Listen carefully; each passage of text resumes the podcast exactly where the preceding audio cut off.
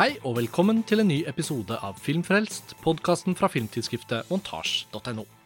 Mitt navn er Karsten Meinick, og jeg sitter her med et veldig eh, flott og eh, utvidet panel enn vi har hatt de siste episodene. Vi er fire stykker som er samlet over Skype til å snakke om den nye filmen fra Lana Wachowski, The Matrix Resurrections. Og eh, for de som har levd under en sten, så er jo da Lana Wachowski er jo en av Wachowski-søstrene, tidligere Wachowski-søsknene, tidligere Wachowski-brødrene, som opprinnelig regisserte The Matrix i 1999, og de to oppfølgerne, The Matrix Reloaded og The Matrix Revolutions, i tillegg til en rekke andre filmer. Men det er jo Matrix-franchisen og serien vi selvfølgelig da skal forholde oss til nå, som det er kommet en fjerde ny film. Og med meg har jeg Martin Sivertsen, en veldig stor glede å ha deg på Filmfrelst i dag. The pleasure is all mine. Hallo. Det er jo en liten stund siden. Ja, det er lenge siden, altså. Alltid, alltid like gøy å få være med igjen. Veldig god anledning. Ja, og for de av lytterne våre som har vært med i årevis, så vet de jo at du er the architect. Du er jo the ur-filmfrelst man. Så um, det skulle bare mangle at du også er med nå. Du har også skrevet om Matrix-trilogien på montasje tidligere, og dette temaet burde passe deg som hånd i hanske. Um, vi har også med oss Lars Ole Kristiansen. Hei, Lars Ole. Hei, Karsten. Og Ida Katrine Holme Nilsen. Hei, da. Hei. I forrige episode du var med, så hadde vi deg med fra København, da vi snakket om Spielbergs West Side Story. Men så vidt Mm -hmm. meg bekjent, så er du nå hjemme i Norge igjen for juleferie. Ja ja, det rakk jeg akkurat. Veldig bra. Og med det så må vi jo bare gå rett ut med at vi har akkurat sett The Matrix Resurrections, og vi kommer til å snakke om spoilere. Så for de av lytterne som nå venter spent på å se denne filmen i romjulen, som en av 50 stykker i en kinosal med smitteverntiltak implementert, så får dere bare vente med å høre på episoden, fordi her skal vi antageligvis dissekere filmen ganske kraftig. Martin, jeg føler på en måte vi må starte kort med deg. Altså, hva slags forventninger hadde du nå da du skulle se Matrix Resurrections? I hvert fall Lars Ole og jeg, som vi har jo fulgt hverandre gjennom dette siden vi startet Filmfrelst og montasje i 2009, og vi vet jo at du har holdt Matrix-filmene særlig eh, nært ditt hjerte, da, og um, ofte måttet forsvare de to oppfølgerne de gangene skeptikere har, ja. har tatt diskusjonen. Um, hva tenkte du nå som det skulle komme en ny film? Nei, det er jo alltid freidig med en trilogi i fire deler. Men uh, jo, nei, altså, jeg har jo egentlig hatt ganske høye forventninger etter at trailerne uh, dukka opp. Det er jo, uh, som filmen også gjør, et sånt stort poeng ut av, så er det jo det er ikke bare bare å lage en reboot eller sequel eller oppfølger til Matrix-trilogien. Um, men jeg må jo si at de trailerne som kom i forhånd, ga liksom grunn til optimisme, syns jeg. For man er jo, det er vanskelig å ikke være skeptisk. Og det var jo også jeg, tror jeg, i likhet med, med mange andre, på hva, hva skal det her bli, hva kan man få, gjøre med det her nå? Mm. Hvor skulle si, anstrengt vil det være å få Keanu Reeves og Carrie Ann Moss og sånn tilbake i de rollene her, osv. Så, videre, og så, så det var, var veldig mange steder denne filmen kunne trå feil, da, følte jeg. Mm. Så jeg, jeg, var jo ikke sånn Jeg hadde håpet, da, for å si det sånn. Og veldig, veldig kort, ble du tilfredsstilt, eller ble du skuffet? Eh, veldig kort så tror jeg at jeg reagerer litt nå sånn som eh, jeg opplevde at mange gjorde, da særlig Matrix Reloaded kom, kanskje. da. Så Sånn sett så er jeg litt sånn skeptisk til min egen, egen reaksjon, for jeg syns rett og slett det var ganske kjipt. Ja. Uh, men uh, jeg skulle ønske det ikke var det, og jeg skal selvfølgelig gi meg sjøl lov til å se filmen flere ganger før jeg liksom virkelig spikrer igjen kista, men jeg ble rett og slett uh, ganske skuffa. Ja. Ida, hvordan um, var ditt forhold til Matrix-filmene før du nå satte deg ned for å se denne nye? Ja, men jeg elsker sånn eksistensiell sci-fi. Sånn Solaris, Interstellar, Contact, Event Horizon, Spare og Matrix. Uh, føyer seg jo egentlig litt inn i den tradisjonen. Uh, jeg var jo ikke gammel nok til å se den på kino da den kom i 1999, men jeg så den da jeg var sånn tidlig tenåring og syntes at den var veldig sånn god mindfuck på sånn beste mulig måte. Og så så jeg de to andre senere, og da avskrev jeg egentlig prosjektet litt. Fordi jeg syns ikke de levde opp til den kunstneriske kvaliteten i de første. Men jeg må jo si jeg gledet meg veldig i likhet, sånn som Martin beskriver, da jeg så traileren. For det ga veldig sånn grunn til optimisme med den Jefferson Airplane-sangen. Mm. Og jeg så den jo uh, i går, så jeg har jo fått lov å bake litt på den i mellomtiden. Og jeg var litt sånn man kan kanskje kalle det forvirret over hva jeg skulle synes da jeg kom ut av kinosalen. For jeg var liksom ikke helt sikker på om hva jeg skulle, hva jeg skulle tenke. Nei. Men jeg har nok landet med at det, at det er liksom Jeg er nok mindre skuffet enn en Martin. Kanskje fordi jeg var mer skeptisk i utgangspunktet. Spørsmålstegn. Ja. Men jeg har nok landet på at det, det var noen elementer som jeg satte pris på, og så var det mye som jeg gleder meg til å høre hva dere syns om, fordi jeg syns det var veldig mystisk. Ja, nei, altså nå skal vi jo bare Vi får bare ta denne lille runden sånn at vi vet omtrent hvor vi står. Altså, Lars Ole, vi to så jo filmen på samme pressevisning. Du har eh, også vært litt sånn Martin, delvis, altså at du har forsvart eh, de to oppfølgerne i mange samtaler, hvor enda mer kyniske folk har eh, slått dem vekk og sagt at det var til slutt bare den originale filmen som egentlig var verdt noe, osv., osv. Og så, så drar man den samtalen dit den kan gå, da, med utgangspunkt i ulike sekvenser, ulike ting, ulike Men vi ble begge enige om å se opp igjen trilogien nå rett før den nye filmen, da. Så vi skal jo snakke mer om det også, men en kort sånn førstereaksjon på den nye filmen. Hvor, eh, hvor ble du stående? Nei, altså jeg må på en måte bare le, eh, Karsten, av oss. altså, jeg føler at du og jeg på sånn tenåringskameratervis har gledet oss så voldsomt til Matrix Resurrections på bakgrunn av trailerne, men også på bakgrunn av tanken om at The Matrix, som var veldig viktig for oss begge i de formative årene, Ja. skulle gjenoppstå. Og eh, det er jo så mange ting som har blitt rebootet eh, i løpet av de siste eh, ti årene. Men det er nok ingenting jeg personlig har hatt mer lyst til at skulle bli rebootet enn The Matrix, nettopp fordi jeg tenker at det fiksjonsuniverset har så sinnssykt potensial. Mm. Jeg må innrømme at jeg i lys av Warszkowskis-søstrenes eh, senere filmer nok hadde vurdert det dit hen at jeg tenkte at det kanskje var best om det ble lagt i hendene på noen andre. Mm. Noen filmskapere som, som er bedre per i dag enn det jeg opplever at de er. Jeg synes nok i grunnen at de mistet det for ganske lenge siden. Eh, Men eh, tross alt så tenkte jeg jo også at det kunne bli noe innmari inspirert ut av at da den ene av de to, Lana Warskovskij, eh, nærmest lot til å selv og har liksom tatt initiativet til å lage en ny Matrix-film. Mm. Og selv om det var noen ting jeg reagerte negativt på i de trailerne, så syns jeg i all hovedsak at uh, jeg så noen glimt av sånn ekte Matrix-magi der. Det så veldig idérikt ut. Uh, jeg fikk litt sånn overtenning, egentlig. Uh, og det vet jeg gjaldt oss begge. og vi har dyrket det gjennom hele høsten. Og tatt gjensyn med originaltrilogien eh, i helgen. Som jo i og for seg også var et litt ruskete gjensyn, men med noen eh, Hederlige høydepunkter. Ja, altså det var jo ting som hadde rustnet uh, litt, og andre ting som på en måte var uh, som, jeg, som jeg i dag syns var rett og slett litt sånn direkte dårlig. Samtidig så uh, var det flere sekvenser som var enda bedre enn jeg husket. Nå snakker jeg om de to oppfølgerne, da. Den første filmen er jo et slitesterkt uh, mesterverk. Eh, Det var ingenting nytt å hente uh, i Altså hva gjelder liksom vurderingen av den. Det var bare en fryd uh, å se for ja, sikkert 40. gang.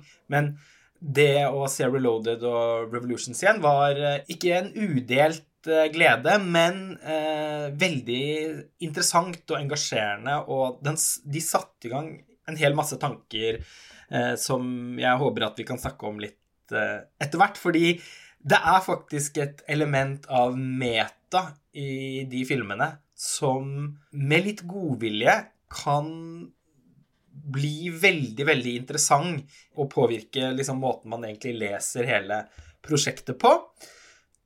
Når det er sagt, så syntes jeg jo da The Matrix Resurrections var en katastrofe, og eh, det er jo derfor jeg sier at jeg bare må le litt oss, og at vi har brukt så mye energi på å glede oss til dette her, fordi det er, filmen begynner jo som litt sånn West Craven-aktig metamoro, og det var eh, ganske spennende å, å følge med på. Jeg syns det var mange ting der som var dårlig, altså dårlig spilt, altfor mye bruk av shot reverse shot, stygt fotografert på digital video.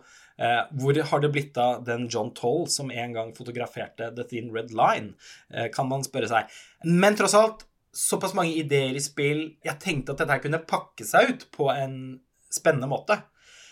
Men etter en time så var filmen i fritt fall på nær sagt alle områder. Jeg har så mye å bemerke negativt at jeg nesten ikke vet hvor jeg skal begynne. Så Nei, men det holder, vi får ta altså- det pø om pø. Ja, og um, da kommer det kanskje ikke som noen overraskelse for lytterne at uh, i og med at vi ganske ofte er enige, Lars Ole. Men vi satt ikke og snakket under filmen, og vi hadde satt med god avstand og sånn, så det var vel et lite blikk til hverandre der mens vi lot rulleteksten spille. Vi hadde vel hørt at det skulle være en sånn post-credit-scene, så vi ble sittende hele Ja, og da kjente jeg Og det har vært mye å deprimere seg over eh, nå i desember, syns jeg, og for så vidt også for min del følt meg mye sliten og vært, det har vært mange andre ting. Eh, Og da tenkte jeg altså, ironisk nok, da, at dette skulle være en opptur. Jeg tenkte sånn Nå begynner juleferien, nå, nå er det liksom Nå er det mye som er tilbakelagt, nå er det mange utmattende dager på andre områder som kan glemmes. Nå skal jeg inn i The Matrix-universet. Nå, nå, nå blir det jul. Og så jeg kjente Jeg var kanskje enda mer, holdt på å si i hermetegn, da, deprimert og, og utslitt da filmen var ferdig, og tenkte at Ja, det var dette var skikkelig begredelig. Så det, det var Ja, så sørgelig å, sørgelig å bringe sånn stemning til podkasten hvor vi så ofte velger å bruke tid på filmer vi har eh, det, eh, Ikke sant? Altså at vi har mye å si om som vi syns er liksom konstruktivt og bærekraftig og flott, da. Um, og um, i dette tilfellet er det jo en film vi skal snakke om som publikum ikke trenger å de trenger ikke oss for å bli klar over at denne filmen går på kino i romjulene over nyttår. Eh, Mange filmer har blitt utsatt pga. smitteverntiltakene og sånn, men Matrix eh, Resurrections holdt på premieredatoen sin første juledag, og dermed så vil jo den være den eneste, nesten, storfilmen denne julen. Så, men vi må jo selvfølgelig ta denne praten, fordi det også er en realitetsorientering med en form for eh, og, det, og filmen diskuterer jo dette med å være en reboot, eh, så det, nå, nå får vi bare liksom sette i gang, på en måte. Men um, jeg er jo nysgjerrig litt på hva annet du har gjort deg opp av tanker, Ida, da, siden ikke du kanskje virker som den aller mest negative av oss fire. Men, men eh, la oss bare Vi får bare liksom vi får si litt kort om hva plottet er, på en måte, sånn at vi bare har, hørt det sammen, og så får vi bare snakke oss gjennom det. Martin, eh, jeg er jo også spent på hvordan du føler at filmen em, på mer eller mindre Jeg, jeg syns kanskje noe av det verste var at det føltes ut som den latterliggjorde sin egen mytologi. Uh, og det syns jeg var den største skuffelsen, ved Ja, siden av alt den, andre. Den liksom uh, synker ned til nye nivåer av lite selvhøytidelighet. Ja, og det syns jeg er på en måte sånn Det er mange filmer med, med lite selvhøytidelighet som kan spille på det, og være morsom og liksom kødde med det, på en måte. Men det her var det ikke så kledelig, syns jeg. Nei. Nei, det var spesielt ukledelig på en måte. Og så tenker jeg ikke minst på at det beste med øh, de beste fiksjonsuniversene er jo at vi vi vet jo at det er film, eller vi vet jo at det er litteratur, eller vi, vi har jo den distansen, men man kan likevel tre inn i dem og på en måte ikle seg eh, universets eh, alvor hvis det er noe alvorlig, eller filosofi hvis de har noe tankegods å by på, eller selvfølgelig bare humor og fjas og tull, eller eh, eventyråndens liksom fascinerende. Der tenker jeg Star Wars har jo på en måte egentlig klart det, da. At eh, i alle sine forskjellige varianter av prequels og sequels og sånn, så har de, når alt kommer til alt, forsøkt så godt det lar seg gjøre å respektere den grunnleggende kjernen som også fansen har omfavnet. Og tidvis blir det jo litt for mye fanservice, men jeg tror jeg hadde heller tatt noe sånt enn det Lana Wachowski har bestemt seg for å gjøre med Matrix-universet her, da. Um, men OK, Martin, kan ikke du kort uh, ta oss litt inn i plottet og premisset her? Uh, hvis det lar seg Jo, Må jeg gjøre det òg? Nei, du må ikke, men jeg tenkte kanskje det var naturlig, da. da. Det er jo ikke så lett å beskrive det plottet på én måte um, heller, men sånn i, ja, eh, I korte trekk så er vi jo tilbake i en tidslinje som eh, satt på en måte i eh, 60 år etter at uh, handlinga i eh, Matrix Revolutions utspiller seg. Mm. Uh, hvor, og det er jo på det tidspunkt altså når, vi som har, når du har sett trilogien, sånn, så har man jo da en forståelse av at det her er på en måte en slags eh, syklisk mytologi i The Matrix, ikke sant? hvor det er en, en Matrix som på en måte går fra, fra reboot til reboot, egentlig, og i stadig nye iterasjoner. Det er en slags uh, fra Big Bang til Big Bang, hvor, hvor eh, simulasjonen, eh, simuleringa startes på nytt. Og vi er på en måte i en sånn ny syklus da, hvor, hvor eh, arkitektene av det Matrix-universet liksom prøver fortsatt å skape den her stabiliteten som skal gjøre at alle de, de eh, kraftverkene bygget opp av menneskekropper. Nettopp. Tror, kjøper fantasien og holder seg i live og fortsetter å være gode batterier for, Mm. for maskinene. Det er i hvert fall en slags sånn ytre fortellingsrammen. Så er jo selvfølgelig Matrix en veldig sånn sterk allegorisk fortelling som jeg tror på en måte kan, sånn som Lars Orvald litt inn på, det er noe av styrken med hele Matrix. Eh, plott og mytologien er at den er så Man kan ta med seg så mye inn i den og hente så mye ut av det. Alt avhengig av hvilken måte man velger å, å lese den historien på og se det på. og sånt. Men i Resurrections så er jo da selvfølgelig Neo og Trinity da på en måte eh, reinserta i, eh, i denne simuleringa som eh, som versjoner av seg sjøl, som fortsatt da Det er litt sånn diffust, egentlig. Jeg vet ikke helt om jeg har liksom Svaret? eh, skjønt alle plottfinurlighetene enda, um, rundt nøyaktig eh, rasjonale bak at den her eh, Messias-figuren og, og hele denne historien skal dyrkes videre og gi håp og liksom være et sånt element i denne Matrix-verdenen. Men det som skjer da, er i hvert fall at historien fra de første Matrix-filmene på en måte oppgulpes og spilles på nytt. Da, i, i, jeg, og jeg tror egentlig ikke vi trenger å gå sånn kjempedetalj hvis ikke føler at det er ting som skal hives inn her, men man driver jo egentlig og og gjør masse, masse Bruker veldig mye tid, filmtid og energi på fanservice og referere de gamle filmene, egentlig, og, og prøve å få det her til å gå opp i et slags plott som jeg Ja, jeg trenger, jeg trenger nok å se filmen en gang eller to til før jeg virkelig klarer å å på en måte gi noe slags meningsfylt sånn handlingsforløp ut av det. da, Men det er jo en av Det handler veldig mye om kjærligheten her mellom Keanu Reeves og Nei, eller mellom Trinity og Neo, som er på en måte det bærende uh, skulle til å si tematiske uh, elementet her, føler jeg litt på bekostning av alle de andre potensielt spennende tematiske elementene som går på rent sånn nevrofilosofi og ontologi og sånne ting, som på en måte ikke jeg syns er like spennende og tilstedeværende her, da. Ja, nei, men vi, og jeg tenker flere av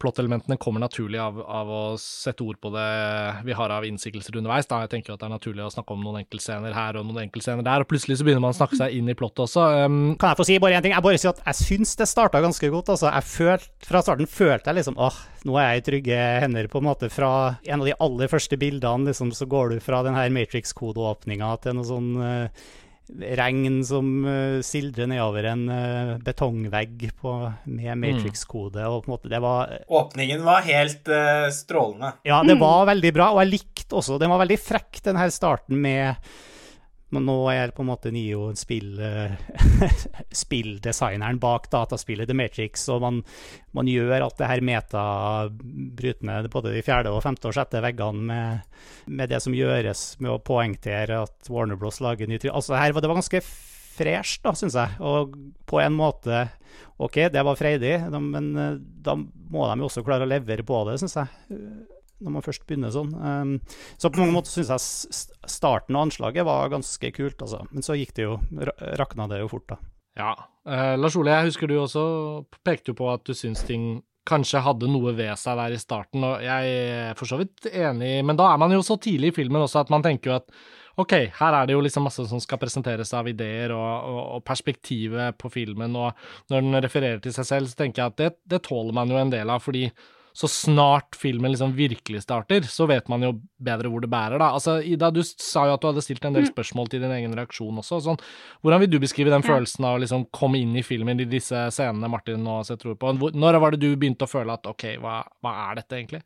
Um, ja, men jeg tenker jo på en måte at dette er en film som er litt i tråd med tiden. Mm. For det er jo Altså, vi lever jo i en sånn overfladisk, fast-based TikTok-kultur. Og det, dette fanservice eh, som, eh, som Martin refererer til, eller jeg opplevde jo filmen, jeg har skrevet fanfiction med store bokstaver i notatene mine. Det serviserer jo også en popkultur som i stor grad bygger på å kommentere på referanser uten å gå i dybden. Så sånn sett så er jo, altså så kan man jo si at hvis man skal lage en Matrix-film i 2021, så er det kanskje måten å gjøre det på. Så er det kanskje måten å cater til et publikum som, altså som, som forholder seg til referansekultur på den samme måten som jo filmen i praksis gjør. Så selv om ikke det er en kultur som jeg setter pris på eller kjenner meg igjen i, så satt jeg og tenkte ok, ja, kanskje, kanskje er det måten å gjøre det på i 2021. Mm. Jeg hadde ikke trodd jeg skulle trekke inn denne filmen, men jeg eh, befant meg i en veldig sånn uh, tilforlatelig sofaplassert søndagskveldaktig tilstand for noen uker siden, hvor jeg valgte å se Free Guy med Ryan Reynolds på Disney pluss. Og da var meningen nå tar vi bare en film som ikke betyr noe, på en måte, og så bare håper vi at den er underholdende. Mm. Utrolig nok så ender jo den filmen opp med å rett og slett få til en litt mer interessant diskusjon av det samme som Matrix Resurrections litt prøve på der i de første 20-25 minuttene. Men helhetlig sett er jo den på en måte mer vellykket fordi den ikke har noen forventninger å leve opp til på noen måte, da. Og, mm. og heller gå for å være en slags tro kopi av The Truman Show, bare i spillverdenen. Og Truman Show, denne Free Guy, og her også Matrix Resurrections, det er jo på en måte noe med at det fins et mønster hvor filmskapere eller fortellere forsøker å uh, gå inn i hvordan på en måte fiksjonsverdener, alternative virkeligheter vi som mennesker fyller livene våre med, for på en måte å kanskje bli reflektert eller oppleve at vi får en, en form for uh, ro ved å bli liksom uh, bedøvet av en annen uh, måte å leve livet på gjennom en fiksjon. Og så lenge den surrer og går, så kan vi på en måte bare sone ut. Om det er liksom såpe-TV som kanskje Truman Show tar litt mer fatt i, og virkelighets-TV kom jo rett etter den filmen, som vi sikkert alle husker, i hvert fall hvis man husker den filmen. og um, i Free Guy så er det jo da en uh, bifigur, en sånn statist inni et dataspillunivers som blir selvbevisst og får kunstig intelligens, um, og da henvender seg til mennesker som spiller sine avatarer i spillet. Og The Matrix selv er jo den filmen som også gjør noe av det lignende. Mens her så skal det på en måte brytes ned med enda en form for sånn uh, Ja, det derre at den liksom tar livet av sin egen høytidelighet, det er det verste. Og det kommer også til uttrykk i hvordan den ønsker å kommentere på det. At jeg føler liksom filmen til slutt ender opp med å bli like overfladisk som en halvbra meme eller uh, en gif med noe humor i seg, eller en liten tweet som uh, vokser seg stor, eller en TikTok-dans som spiller på en eller annen bildeeffekt og loop som folk syns er gøy i tolv sekunder. Altså. Eller en kattevideo. Eller en kattevideo, og det er jo det også den post-credit-scenen faktisk eh, til slutt, etter at rulleteksten er ferdig, så er det jo også en sånn kattevideodiskusjon fra det derre eh, møterommet. det fikk jeg ikke med meg. Nei, det er helt, helt, helt til slutt, etter at hele rulleteksten er over. Skikkelig dårlig satire der.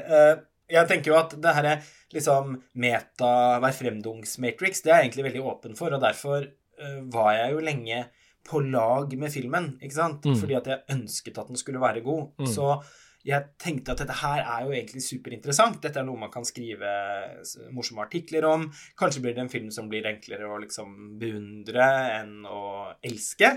Fordi eh, egentlig så gikk jo Altså, pulsen steg jo de første fem minuttene der. Fordi åpningsscenen, som Martin henviste til i stad, var jo virkelig helt strålende. Eh, mm. og en ekte Matrix-scene. Eh, og det er vel nesten det eneste glimtet vi får av noe som ser ut som det vi forbinder med det estetiske universet The Matrix. Mm. Fordi i denne det, Dette her er vel da den syvende versjonen av uh, Matrix-programmet, på en måte. Uh, som får sin start mot slutten av Revolutions.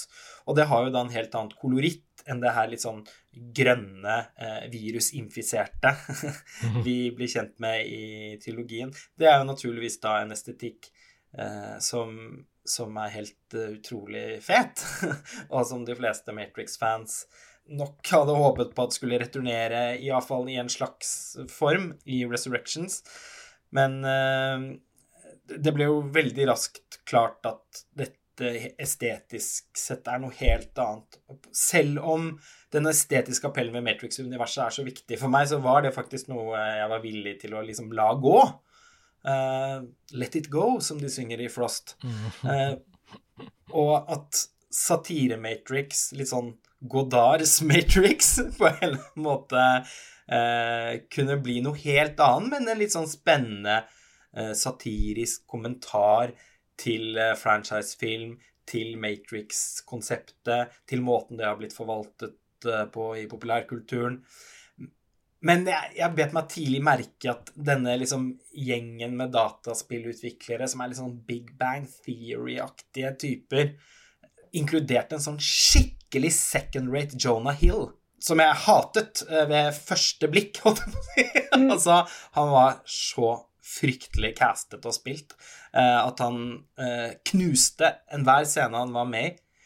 Men likevel så tviholdt jeg på håpet om at dette her skulle utvikle seg til noe kjempeinteressant, og etter hvert som liksom den fjerde veggen blir, blir mer og mer eh, sprekkeferdig, så sitter jeg på en måte og venter på at det skal åpne seg mange dimensjoner her som kan gjøre dette her til en uh, litt nyskapende uh, film, noe man ikke har sett før. I stedet så bestemmer jo da Lana Warskowski seg for å ikke bare remake på en måte eh, oppvåkningsscenene fra originalfilmen, men også på en måte slag om Sayen og sånn, nå satt til en eh, veldig stusslig by som heter IO, som altså var en så ja, second rate, first price-aktig versjon av Avatar, på en måte. Som at, at, det ble sånn at jeg tok meg i å savne Zion. Og ved gjensynet av uh, Reloaded Revolutions så, så, opplevde jeg veldig sterkt at nesten ingenting av det som foregår der, fungerer spesielt bra. Så jeg hadde jo ikke regnet med at jeg så raskt skulle tenke at det likevel tross alt var til å leve med. Fordi IO, det eh, er eh, det, det, er, det, er, noe av det verste jeg har sett, på, sett i år, rett og slett. Altså, det er så, så halvhjertet og, og fantasy-univers eh, med eh, ordentlig sånn Alt er liksom kjøpt på tilbud, holdt jeg på å si, fra Eh, sånn skikkelig dårlige kostymedesign, kjipe effekter, eh, science fiction-ideer som eh, virker, later til å liksom være kom, funnet på over en lunsj. Jeg ble helt Altså, jeg mistet nesten pusten av hvor dårlig jeg syntes det var. Og, og, så ble det aldri bedre etter det, fordi da uh, setter filmen seg inn på et spor som er overhodet ikke er i kontakt med det den startet med. Nå skal den plutselig bli en slags klassisk fortelling der Neo og Trinity skal gjenforenes, og kjærligheten mellom dem på ny får oppstå uh, og forsegles. Hvor kjærligheten bryter alle reglene i, i, i universet. Mm. Nei, det er helt Det er jo Altså, Matrix-trilogien er jo i boka Det er jo kanskje det mest, noe av det mest inspirerende eh, som har vært en gjentagende kilde sånn filmatisk inspirerende uh, greie i livet mitt helt siden Helt siden uh, Jeg var jo Det var jo artig. Jeg, jeg bodde jo i Sydney da, da, Matrix ble spilt inn, så det, jeg husker det var jo Det var en det har liksom vært en faktor i livet mitt helt siden 1999. ikke sant? Og, og, og med de trilogifilmene har liksom vært en så stor kilde til inspirasjon. Uh, og det er så lite som jeg fant inspirerende her, da, i den nye filmen, på samme måte. Altså, og du er jo litt Jeg tenker det, det du sier om Zion altså En sånn opplagt ting som, som du skjønner egentlig at det, det, det, kan ikke gå i den filmen her. Og de, jo, de prøver jo å dytte så mye innhold inn, så mange verdener, så mange eh, Skulle si opp Ja, litt sånn Det er jo mye sånn oppgulpsymptomer her, da. men. Du, du, brukte jo tross alt tre filmer for å introdusere alt det her eh, i trilogien. ikke sant? Du kom jo ikke til Sion ordentlig før i film to. og Du, du hadde så god tid eh, til å bygge opp og, og sette sette tilskueren av filmen i, skulle si, i den rette mottagende modusen for å ta inn over seg de her konseptene og, og de her ideene. og, og det, liksom, det, er så utrolig rusha i, i Resurrections. da. Du freser gjennom nesten som en sånn avsjekkingsliste av ting du skal innom, ikke sant. Um, det er mye sånn uforpliktende law der eh, på IO. Ja, rett og slett. Jeg klarer bare ikke å komme over hvor utrolig stusslig jeg syns det var. Altså. Uh, og så var det fryktelig lite dramatisk, det som skjedde der, da. Ja, I tillegg. Og, og Jaden Pinkett Smith bak et tykt lag med, med lateks som uh, den gamle herskerinnen nå uh, Oh, ja, det syns jeg faktisk ikke var det verste. Men uh, du syns det var Nei, ja, altså nei, det er ikke hun, det verste. Hun Niobe som returnerte. Ja, jeg syns det var svakt, men uh, jeg syns nok de sekvensene inne på det laboratoriet der, som skulle være litt sånn som den presentasjonsrunden i Avatar, da, da Da var jeg ferdig med ja. Nei, fordi det eneste jeg ville si om det, bare sånn Jeg måtte bare bryte inn. Fordi hun eh, Pinkett Smith, da, hun representerer jo da en av de få markørene som sier noe om tiden som har gått fra originaltrilogien hit, som egentlig er den eneste tingen som er med på en eller annen måte å bevise at disse filmene i det hele tatt hører sammen, da. Um, føler jeg. Men det var vel ingen som hadde ønsket seg den koblingen? Jeg tenker, Nei da, nei da, men- vi skal returnere til Zion på den måten som de gjør. Det var jo Altså, de Det er åpenbart at de ikke har lyttet til noe av kritikken som uh, Mm. oppfølgerfilmen har fått. Noe av kritikken har tross alt også vært berettiget.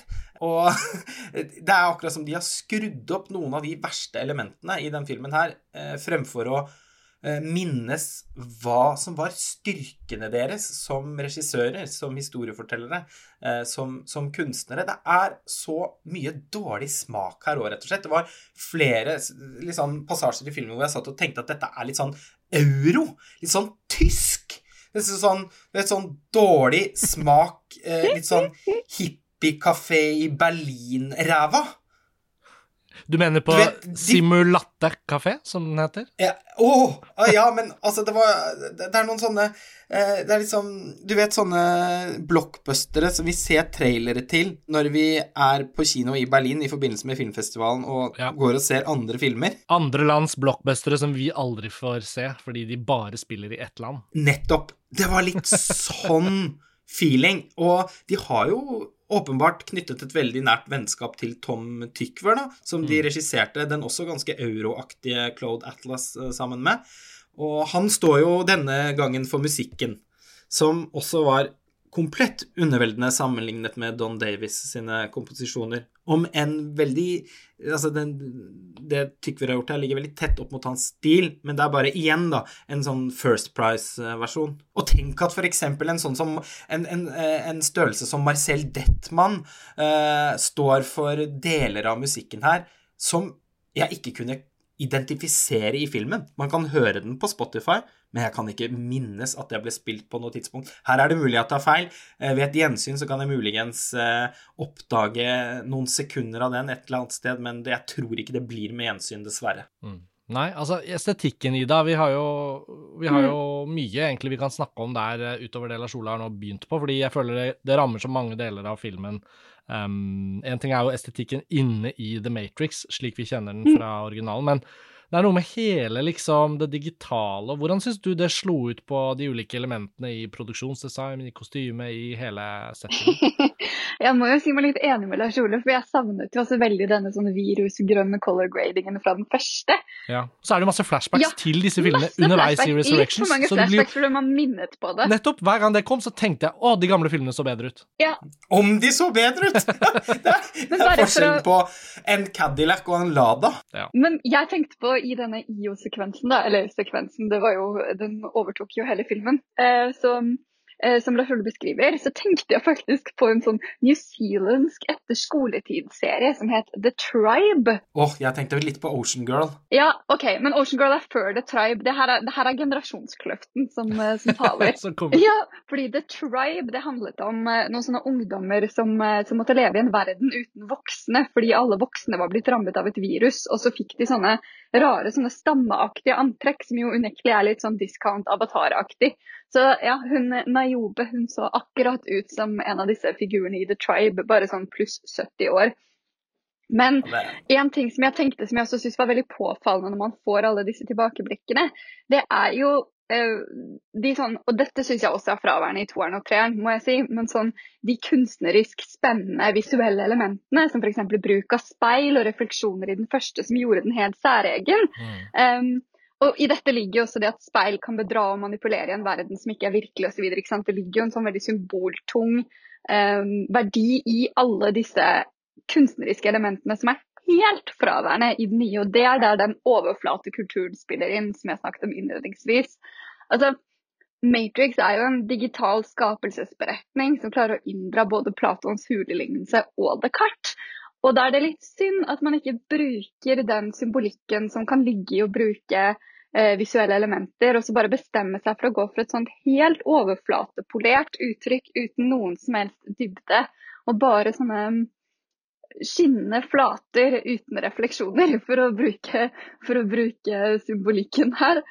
Men uh, ja, nei, jeg syns også estetikken var litt uh, I hvert fall i det, i det IO. For jeg følte at de prøvde å reboote liksom lakolær og lateks i, i, resten. Men uh, ja, at denne IO-sekvensen var grusomt fryktelig visuelt. Ja, jeg er helt enig. Ja, altså, jeg tenker litt sånn at etter å ha sett originaltrilogien på nytt, da, så satte jeg med en veldig sterk følelse. Og det er at Warszkowski-søstrene er veldig gode på verdensbygging. Eh, og på liksom eh, konseptbygging, og til en viss grad eh, filosofering mm. og actionsekvenser. Det de ikke er spesielt gode på, er tradisjonell historiefortelling, som er karakterdrevet. Den biten av den opprinnelige trilogien eh, Jeg tenker da ikke på den første filmen, eh, for den tross alt er jo mest en presentasjon av konseptet. Og med noen e, Egentlig ganske sånn enkelt, men veldig sånn bra fortalt eh, og uh, innenfor rammen av hva de forsøker på. Til og med liksom litt emosjonelt engasjerende plott. Mens uh, den liksom litt sånn episke fortellingen, den sparkes jo for alvor i gang i Reloaded. Og uh, ja, slår ut i full blomst i Revolutions. Og de tingene minner på en måte om andre, bedre fortellinger og filmer. Så de har liksom noen tydelige svakheter, men hadde også da noen helt vanvittige styrker. Altså, de beste actionscenene i Reloaded den 20 minutter lange biljakten der, f.eks., den er noe jeg og Karsten pleier å sette på sånn en gang iblant. Bare for å bli påminnet om hvor uh, utrolig meddrivende sånne sekvenser kan være. Laget på et sånn latterlig høyt budsjett. De bygde en highway. Uh, det er liksom R-rated action av et kaliber som man kanskje liksom ikke kommer til å få se igjen. Uh, og mange andre scener jeg også kunne løftet fram. Den nye filmen har bare inn, ikke noe av dette i seg. Det er masse bruk av uh, shot reverse shot i ikke bare i dialogscener, til og med liksom også i, i actionscener. De er så forbausende fantasiløst uh, regissert. Ikke noe kamerakoreografi. Ingen liksom ideer, føler jeg, som resulterer i liksom forbløffende Eh, suggererende sekvenser. Jeg syns det var ja, som i liksom hvilken som helst TV-serie. Jeg er 100% enig i det du sier. For de, alle tre første Matrix-filmer har jo minst to-tre sånne helt fantastiske sekvenser som er på en måte er, er, er bare verdt å sette på og se i seg sjøl, ikke sant? Nettopp. Um, og her var det ikke bare ingenting. Og det var jo, det var jo også der etter at dette ganske veldig gode anslaget på filmen helt i åpningen setter seg, det, det første, på det første tidspunktet der begynte å kjenne at OK, det her var, har de kanskje ikke så godt grep på likevel som jeg hadde håpa, det var når den første actionscenen kicker inn, hvor du med en gang får følelsen av at her er det ikke i nærheten av den samme stilsikre velkomponerte, velkoreograferte, oversiktlige kunstverket av, av en actionregi liksom, som, som, er nesten til stede gjennom hele, hele trilogien. Iallfall de scenene som foregår i The Matrix. Nettopp. Alle scenene der. Mens, mens her så, så, så, er det med en gang en, Du ser det er mye mer sånn usikker tilnærming. Det er masse uinspirert slåssing i trange settings med kamera som virrer forvirra fram og tilbake. Og liksom det Du har en helt annen sånn uh, følelse av at man vil noe med de her scenene i hele tatt. da. Og veldig sånn grell bruk av slow motion, blant bl.a. Uh, som følge av at de har valgt å skyte den på noen skikkelig sånn skrikende digital uh, video. Det er jo en kjepphest her på Filmfrelst, ikke sant, at film ofte blir bedre hvis man velger å skyte på analog film enn digital video. Simpelthen fordi det er så mange som ikke mestrer det stadig vekk på en måte relativt nye på matet. Og Lana Warskowski og John Toll behersker det i hvert fall ikke. Jeg kan få skyte inn en ting der angående digitalt og medium. Jeg hadde jo gleden av å være for et par år siden så ble jeg invitert til, på Filmens Hus for å holde et innlegg for en visning av The Matrix. For å snakke om nevrofilosofi og VR. Mm. Og da hadde eh, Cinemateket var det vel som satte opp, hadde fått tak i en 35 mm print av den filmen, da, som var en sånn kinorun fra, fra 1999. Mm -hmm. Og da, det var jo en ganske Det var ikke en spesielt positiv seeropplevelse. Altså, den var jo utrolig grumsete. Det var nesten som å sitte og se en VHS-film på storskjerm. Lyden var helt fantastisk, men det, det var en ganske sjokkerende opplevelse å se hvor mye bedre den filmen så ut på skulle si, moderat eh, hjemmekino enn på, eh, på en sånn gammel, urestaurert 35 mm print. Ja, men da har du hatt uflaks med liksom en gammel 35-kopi. Altså, Jeg mener jo, insisterer ikke på at man for enhver pris må vise all film på 35, men å skyte på 35. Ja, ja, selvfølgelig. Jeg bare skulle si at det var bare sånn Det var litt sånn turn up. Skal, endelig skal jeg få se Matrix ja. på kino liksom igjen etter så mange år. Og, ja. Men jeg tenker liksom Det bør alltid være et kunstnerisk valg. ikke sant? Enten hvis man velger å skyte på analog film eller på digital video, så bør det være en tanke bak det. Og de fleste skyter jo bare på digital video fordi det er tidsbesparende og budsjettinnskrenkende. Men det er klart, når man lager filmer i, i en skala som dette her, på en måte, så syns jeg det er så underlig at det er noe man velger å liksom ikke prioritere.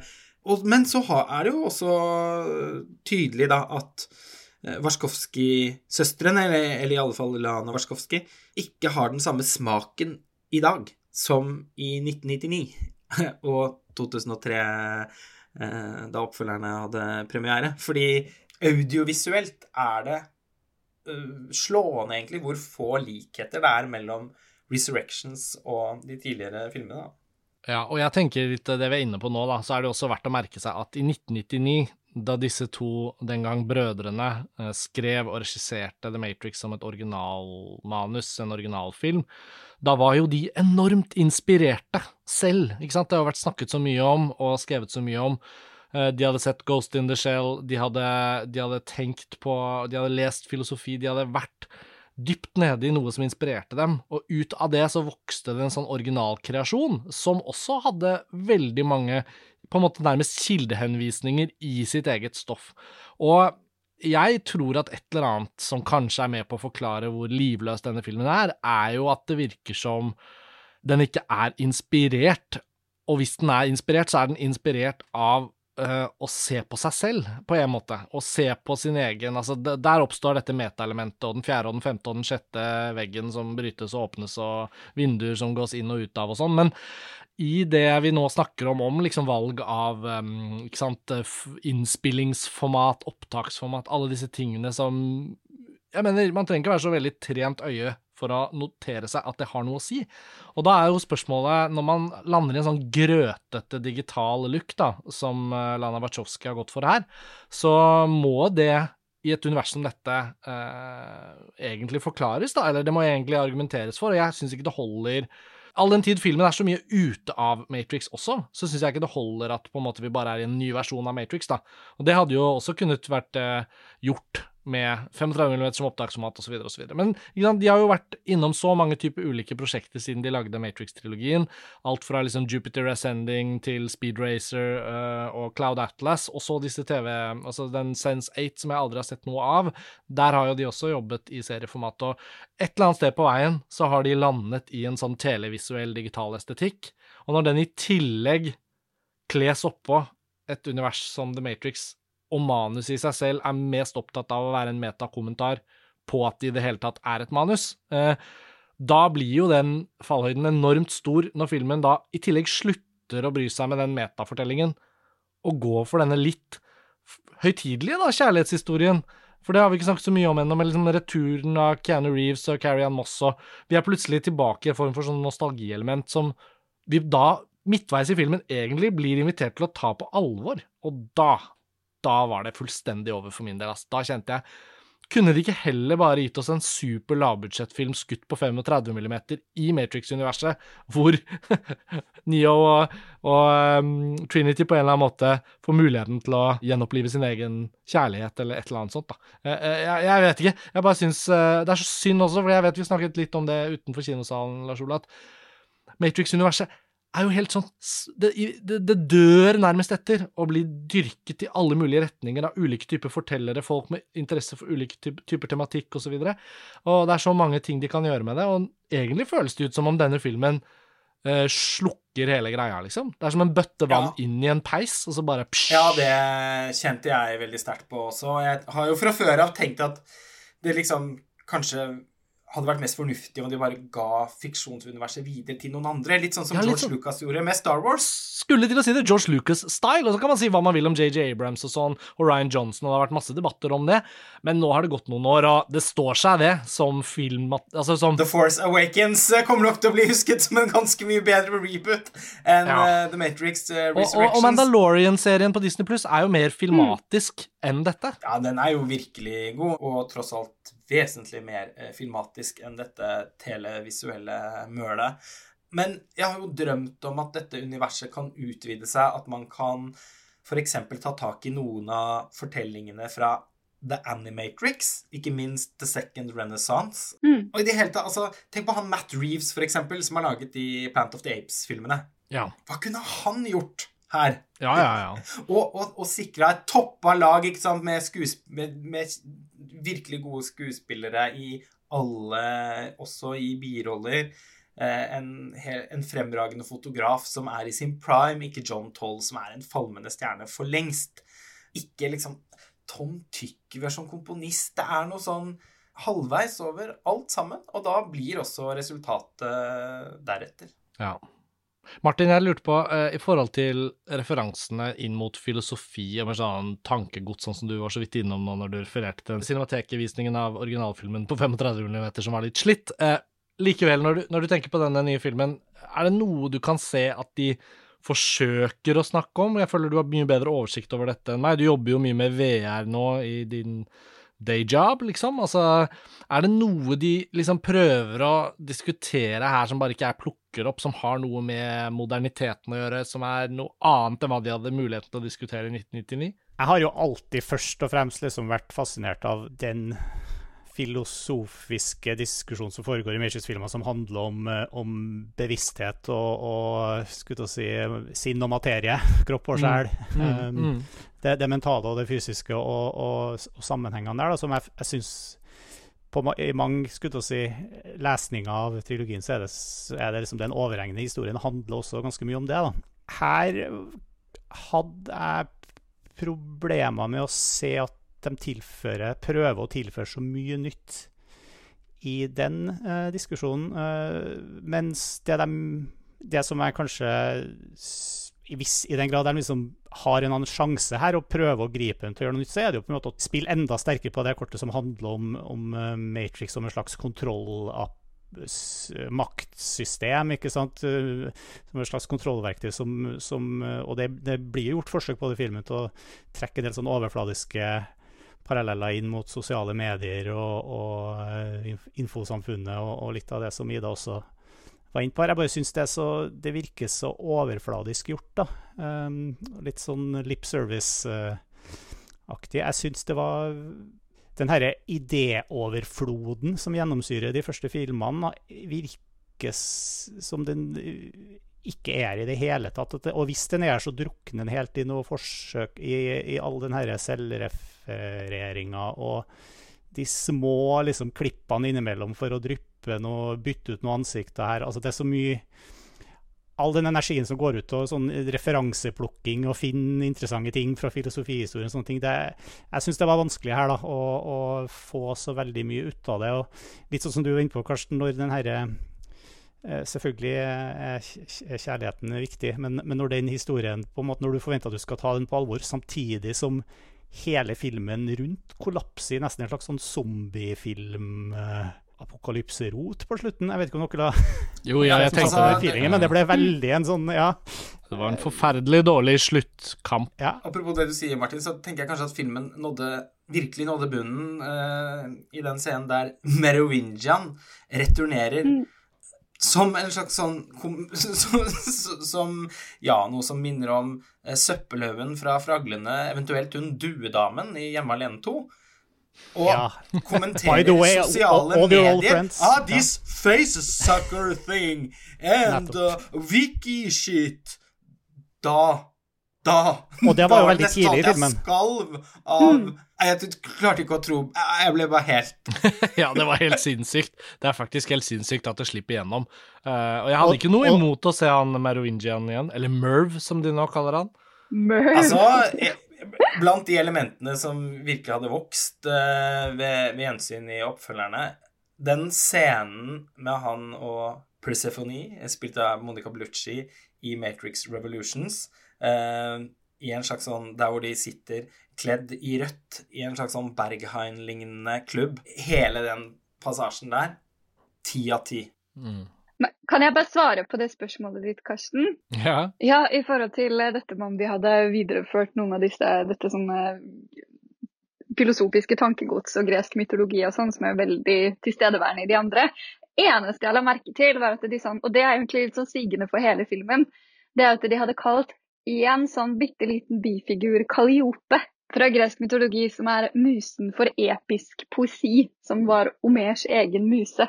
Det var liksom det eneste jeg kunne spotte av at jeg hadde prøvd å bake inn, bake inn noe mytologisk og filosofisk. Eller så har de liksom delt ut mange sånne easter eggs her, fra liksom tatoveringer eh, til sånn eh, navn på objekter. Eh, en katt som heter déjà vu. Som liksom som Litt overtydelig. Ja, ja, ja. Det indikerer liksom noe meningsbærende, eh, men rommet ingenting. Men det var jo så mye som forsvant i og med at man mistet disse sånn holdt jeg på å si, fysiske teknologiske objektene, da, som flipptelefoner og fastnettlinjer. Altså, alt ble jo også veldig flytende i og med at det eller trådløst, da, kan man kanskje si, i og med at man ikke lenger var forbundet av disse fysiske objektene som kunne få deg mellom den ene og den andre verden. Ja, ikke sant. Det var, det var erstattet av en slags sånn hologramaktig tilstedeværelse av han hackeren på skipet som liksom var sånn Hva het han? Sekk? Eh, som var Ja. sidekicken til hun eh, Bugs, we don't need, uh, we don't need phone booths anymore, sier han også på et tidspunkt. Ja, så er de ferdig med det, liksom. ja. Og så er det noe med alle disse vinduene og dørene og inn og ut og, og sånt. Og så, og så tror jeg på en måte at hvis jeg får lov å spekulere i om Lana Wachowski egentlig helt har skjønt hva det er som gjør det universet så fett, ved siden av plottet og ved siden av filosofien og estetikken og sånn, det er jo det at når du først har laget et fiksjonsunivers som er såpass fascinerende som de gjorde med den originalfilmen her, da, la oss få være litt i det. Altså, den scenen når Morpheus tar med Neo på vandring, eh, og de ser hun med den røde kjolen, og det er litt sånn stopper, freeze, og dette er bare en simula... Ja, da, vi øver, liksom. Du kan kanskje bare gjøre det én gang, da, i originalfilmen, når noen skal liksom Publikum og hovedpersonen skal begge bli forklart et univers, på en måte. Men det er nå engang sånn at selv om dette er fjerde filmen, så savner jeg fortsatt da at hun skal gi oss litt tid til å være i universet, da. Og det var jo virkelig fraværende denne gangen. Det var et sånt sted hvor de skulle um, reise inn og ut av dimensjonene der, og så bruker de et hurtigtog i Japan fordi det er i bevegelse, og det er vanskeligere å spore og sånn. Ja, det, er, det nevnes, og så ser vi tre sekunder av det. Og så er de ute av det. Og neste gang det er en actionscene på det toget, så er det så kaotisk eh, skutt og klippet at du får på en måte ikke noe tid til å se på noen bilder underveis der. Jeg syns jo også det estetikken er så svak på, som vi var inne på i stad. Det blir forverret i actionscenene, da. Veldig mange av actionscenene her er sånn kaotisk rotete, både skutt og klippet, som gjør at Altså sånn kampsportkoreografi, som jo var en helt egen enestående kvalitet ved i hvert fall originalfilmen, det er jo blitt helt liksom totalt uh, skjøvet til side her. Og jeg, jeg syns liksom gang på gang så ser man at selv hvis du har en metavariant og et blikk på din egen film og franchise som skal ha litt sånn wink-wink, så går det likevel an å lage de sekvensene som vi på en måte kan bare være med og nyte inni der, da. Og jeg syns at den var fattig på det i tillegg, var liksom for meg også forbløffende. Det blir jo sånn at man nærmest også tar seg i å savne de litt mislykkede actionsekvensene fra Matrix-oppfølgerne. Altså sånn som Mm. Burley Brawl-sekvensen f.eks. i Matrix Reloaded, der eh, Neo skal fighte mot eh, ja, 100-200 Agent Smith-kloner. Mm, I den bakgården der, på en måte. Ja. Mm. Den er jo rett og slett for ambisiøs eh, i lys av hva slags teknologi som var tilgjengelig på det tidspunktet. Den ser i dag altfor dataspillaktig ut, men den prøver i hvert fall på noe. Altså, jeg har respekt for filmskapere som tar en for laget og går på trynet ved at de blir eh, for Ikaros-aktige i sin filmskaping. Eh, jeg kan har til og med mye pent å si om, om, om enkelte elementer ved Attack of the Clones til George Lucas, liksom. Fordi at selv om den filmen som helhet er svært kunstnerisk mislykket, så er det noen ting der eh, som er eksempler på en type pionerarbeid som den filmen vi har sett i dag, f.eks. har veldig, veldig lite av. da. Ja, nei, så vi har jo egentlig veldig få forsonende trekk å diskutere her, da. Um, jeg vet jo at vi alle var innstilt på at det kom til å ta litt tid å snakke seg gjennom denne filmen, men nå har jo liksom de aller største innsigelsene blitt nevnt. Hvis man skulle trukket fram noe positivt Jeg kan jo nominere én ting, da, men jeg syns jo likevel det er jo nesten litt sånn fattigslig å, å trekke fram noe så lite som én rollefigur med med én skuespiller som fungerer, som er ny, da, men jeg syns jo hun Bugs, da, spilt av Jessica Henwick, er det det hun heter, Mm. er en fin figur. Altså, det er en sånn figur jeg følte vi fikk flere av i originaltrilogien. Birollekarakterer som gis akkurat litt motivasjon, litt sånn glimt i øyet til å Og den karakteren ser jo selv ut til å på en måte elske The Matrix, altså elske å være en del av det. elske å løse problemer, eh, stille opp når noen trenger det, ikke sant. Løse, løse Kaste seg inn i actionscener for å redde noen ut av en situasjon. Altså sånn eh, men, men det er fordi filmen er så fattig at jeg føler meg så liksom på jakt etter noe positivt å si, og så blir det på en måte henne og den karakteren. Men jeg hadde jo heller ønsket at filmen var såpass på plass at ikke hun ville skilt seg ut i så stor grad, da. Men jeg syns nå engang at hun fungerte helt fint. Helt klart. Og den delen av filmen der hun på en måte er en litt sånn tydelig eh, hovedperson, er jo også den, den beste delen av filmen. Som vel er de første ja, kanskje 20 minuttene eller noe. Ja. Å. Ja, jeg kommer ikke på så mye mer enn det. Jeg likte faktisk den Jefferson Airplane-sekvensen, jeg. Ja. Ja, er, Jeg er litt usikker på om det var bare av at jeg elsker den sangen. jeg syns nok den var bedre i traileren enn i filmen. Men det er også et av de få øyeblikkene hvor filmen gir seg litt tid, Mm. Mm. og gir oss litt tid til å være i, til å være i universet, som Karsten sier. Ja, den puster litt, øh, og den sangen gir en rytme, i deg som på en måte Som vi er jo så, så bortskjemt med i de tre første filmene, da. For selv i dårlige partier av trilogien, så er jo i hvert fall uh, Wachowskiene i stand til å skape en sånn rytme og flyt, altså sånn som den uh, Agent Smith-kampscenen du akkurat beskrev, Lars Ole. Ja, CGI-en er litt ræva her og der, og man føler oi, nå er det liksom plutselig sånn dataspillaktig dårlig, men det er noe med rytmen og driven og bruken av Don Davis-musikken og liksom Ja, det, ja, Scenen aldri tar slutt. Det der er jo Ja, og at den bare bygger og bygger og bygger, og til slutt så må du liksom bare være med på det. Det er så mange ganger de også bare på ren virtuositet klarer å karre seg forbi et litt svakt øyeblikk i originaltrilogien, mens problemet her er jo at det er nesten ingen forsonende trekk til i det hele tatt å, å ta oss inn når vi først har falt ut av filmen. Og hvor ble det av all den vidunderlige teknomusikken? Hvor tok den veien? Altså, Marcel Detman er kreditert med additional music. Eh, det var vel knapt nok eh, en beat i løpet av filmen. De har bare mista det fullstendig. Det er så innmari For en deprimerende trist. konklusjon i en Filmfrelst-episode. Vi som alltid anklages for kanskje å være uh, ja, vel opptatt av å fokusere på. Ja, i hvert fall å velge oss filmer å snakke om som vi føler at vi har et engasjement for, og det er jo tilfellet her. Det er bare så fryktelig, fryktelig leit og skuffende at filmen uh, er så svak, og jeg vil kalle den også uinspirert, på en måte. Tilsynelatende inspirert, men eh, men har på en måte ingenting å melde, som en satire over franchise-herredømmet i, i, i Hollywood med prequels and sequels og og, og s- sosiale medievirkeligheten som en slags ny virtuell verden som kan kobles til tematikken i, i The Matrix. eh, sant? Ja, den har liksom ikke noe spennende å si om disse tingene. Og da blir spørsmålet, er den opprinnelige varsleren Lily Wachowski?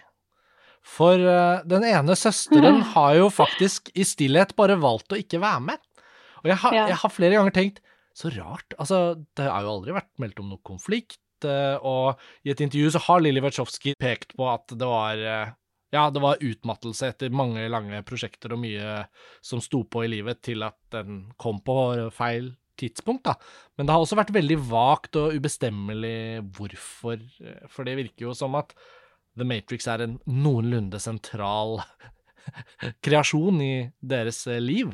Så man, man, lurer jo litt på hvorfor eh, Lily da ikke er med. Hvorfor de valgte å ikke bruke Lawrence Fishburne. Ja, Det er vel på en måte forsvart av at uh, Er det ikke noe med at kanon inkluderer dette spillet, Martin? Det har jeg sett referert til flere steder, uh, og at uh, den originale Morpheus faktisk dør der. Um, for her er jo Morpheus mm, bare et program. OK, det forklarer jo saken. Ja, han er bare et program her. Det kom et dataspill som het Enter the Matrix, som jeg minner meg har ikke satt meg inn i all, uh, all lauren der heller. Nei, jeg har bare, jeg bare sett det henvist til av noen amerikanske kritikere at det anses som kanon.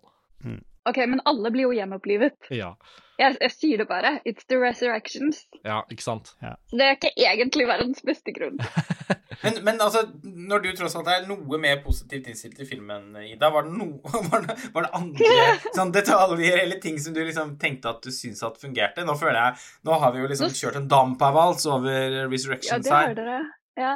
Nei, men da vil jeg altså da vil jeg gå tilbake til mitt opprinnelige argument om og tenke liksom over hvem denne filmen er laget for, og hvilken generasjon den som serviserer. Um, men også i forhold til sånn underholdningsverdi. Fordi jeg syns jo ikke den er blottet for underholdningsverdi, selv om jeg er skuffet over at den ikke lever opp til originalforelegget. Um, det som jeg vil uh, bare trekke fram veldig fort i forhold til det med de actionsekvensene, og det syns jeg egentlig også er litt helt imot det dere sa i sted, men Eh, litt et problem i både toeren og treeren. At det føles ikke som det er noe, noe, på spill. Det er jo ingenting på spill i de actionsekvensene. Jeg skjønner ikke helt hva det er de slåss om. Eh, men til noe med noen nøkler liksom, og noen greier, da, skjønner du? Det er noe med noen nøkler og noen greier, og jeg skjønner ikke helt, og så mister jeg tråden, så tenker jeg på noe annet, og så å ja, OK, vi slåss fremdeles, greit. Okay. Mens i den første så er det jo så utrolig mye på spill, og telefonen ringer, og det er en deadline, og de mekaniske blekksprutene kommer, og det er liksom det er noe vi må rekke. Det er liksom et, eh, man, må, man må rekke det før bomben sprenger, ikke sant? Ja, og det er en Judas og på det, skipet med Cypher og alle de tingene der. Ikke sant! Det er Judas på skipet. Og det er, altså det er hele tiden en kamp mot klokken som er helt inteteksisterende her, og som egentlig også overføres til det store og det hele spørsmålet om hva er det denne filmen egentlig vil? Hva er det den handler om?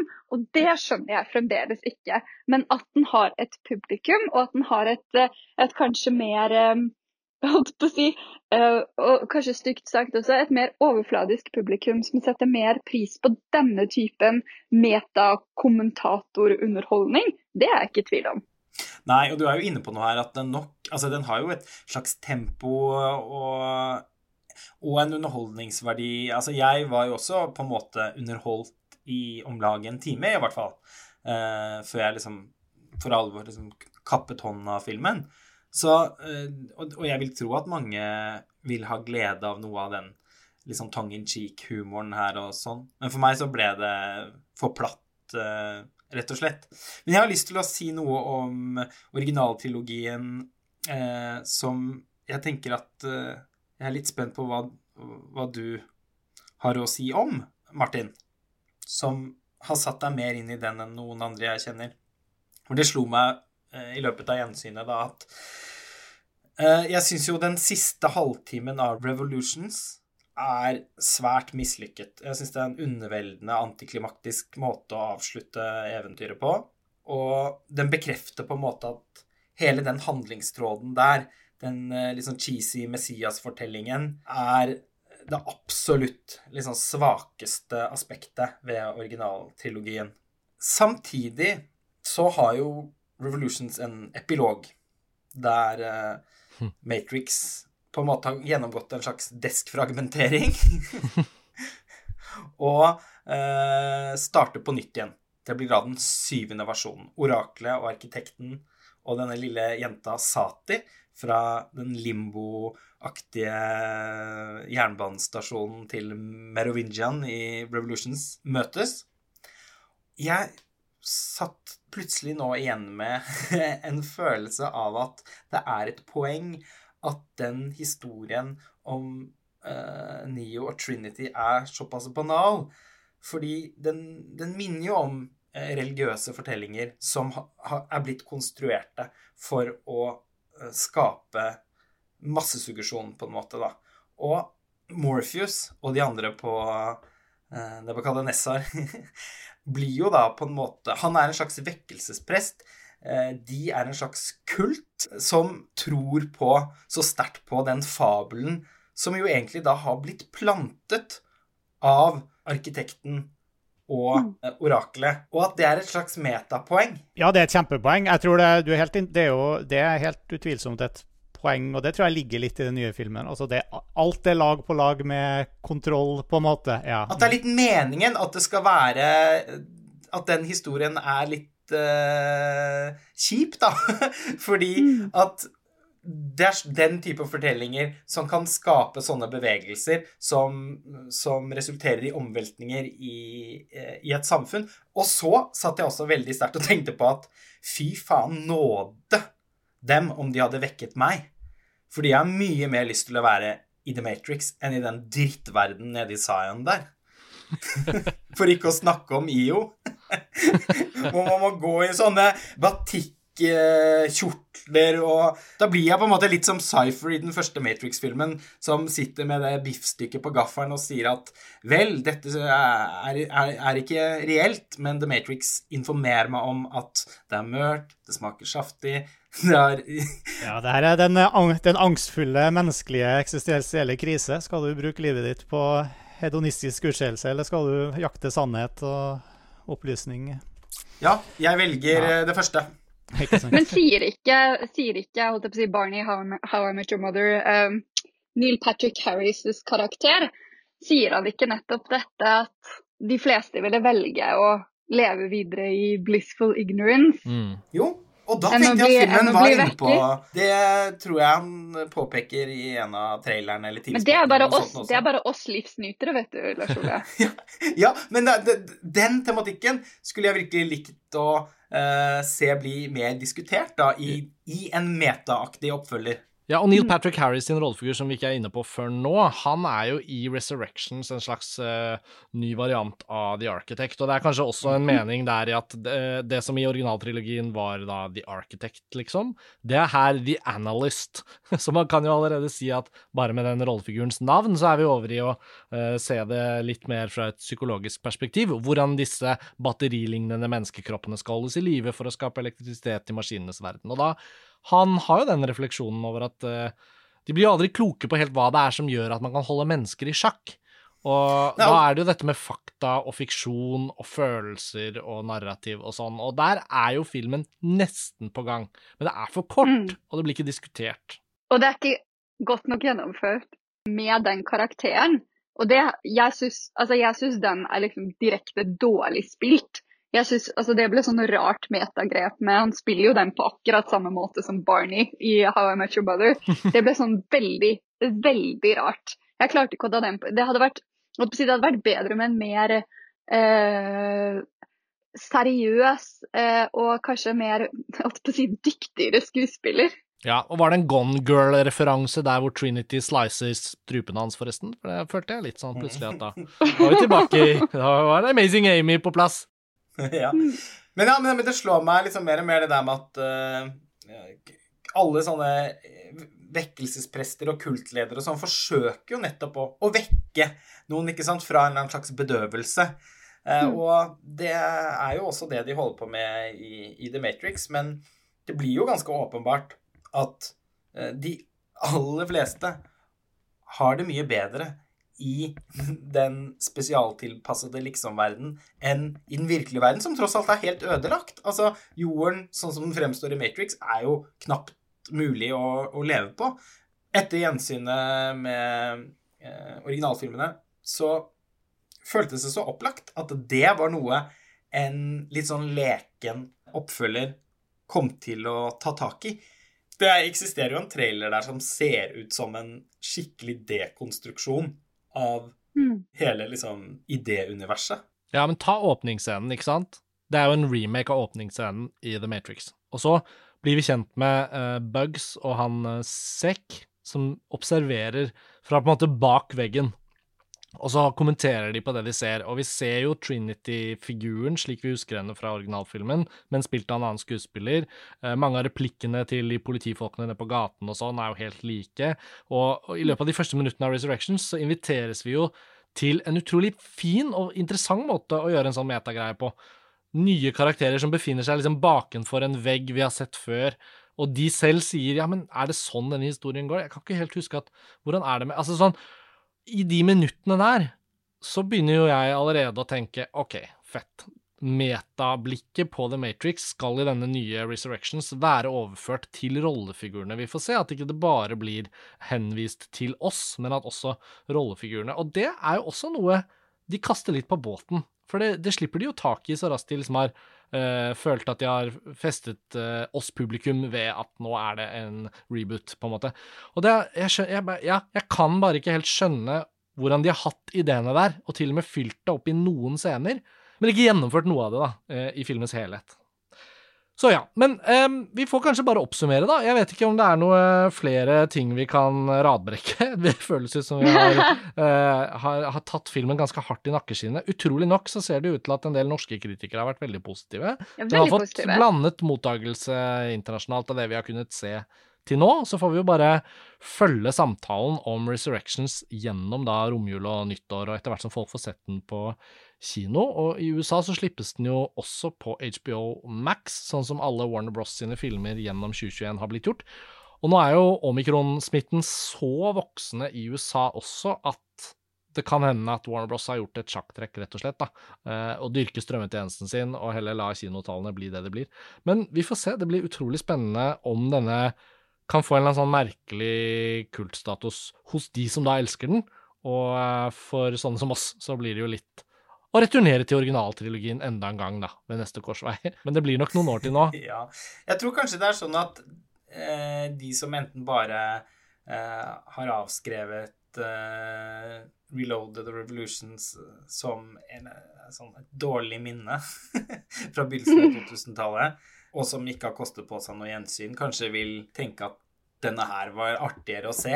Men da, hvis man på en måte ikke virkelig eh, har vært Matrix-fan, så er det jo liksom heller ingenting som står på spill, ikke sant? Vi er jo sikkert Nei. også veldig preget av det, at vi er så knyttet til, til de filmene. Så vi får litt andre parametere eh, å, å måle etter.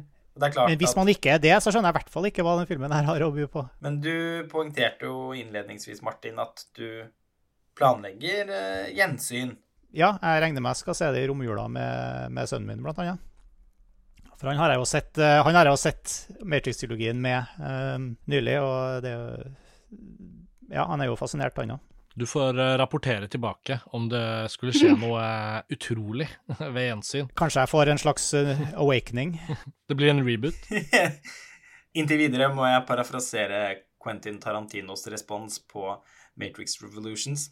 It destroyed the mythology for me. Ja vel. Det var hardt. Hvis jeg bare skal komme med én motespådom for Matrix Resurrections, så er det jo dette uheldigvis at vi kanskje kommer til å se disse fryktelige Matrix-solbrillene dukke opp som sånne paddehatter rundt omkring. Eh, For en som en gang har dumpet en fyr utelukkende fordi han hadde sånne Matrix-solbriller som kom fram da våren kom, så må jeg bare si eh, grøss. Jeg gruer meg. Men dere, takk for praten om Resurrections. Det var eh, nedslående funn vi gjorde i denne nye filmen. Ehm, men vi får vel bare erkjenne at eh, når det er som det er, så er det som det er, og det får vi bare sette ord på. Det har vi gjort nå. Jeg håper dette kanskje også kan bli et av de tilfellene hvor mange av lytterne våre kimer inn i kommentarfeltet. Da skulle det særlig være flere av dere som har hatt en helt annen opplevelse av filmen enn oss. Og forhåpentligvis så har eh, de av dere som har hørt helt hit, har nok sett filmen sånn som oss. Så da mm, vi eh, gleder oss til den samtalen.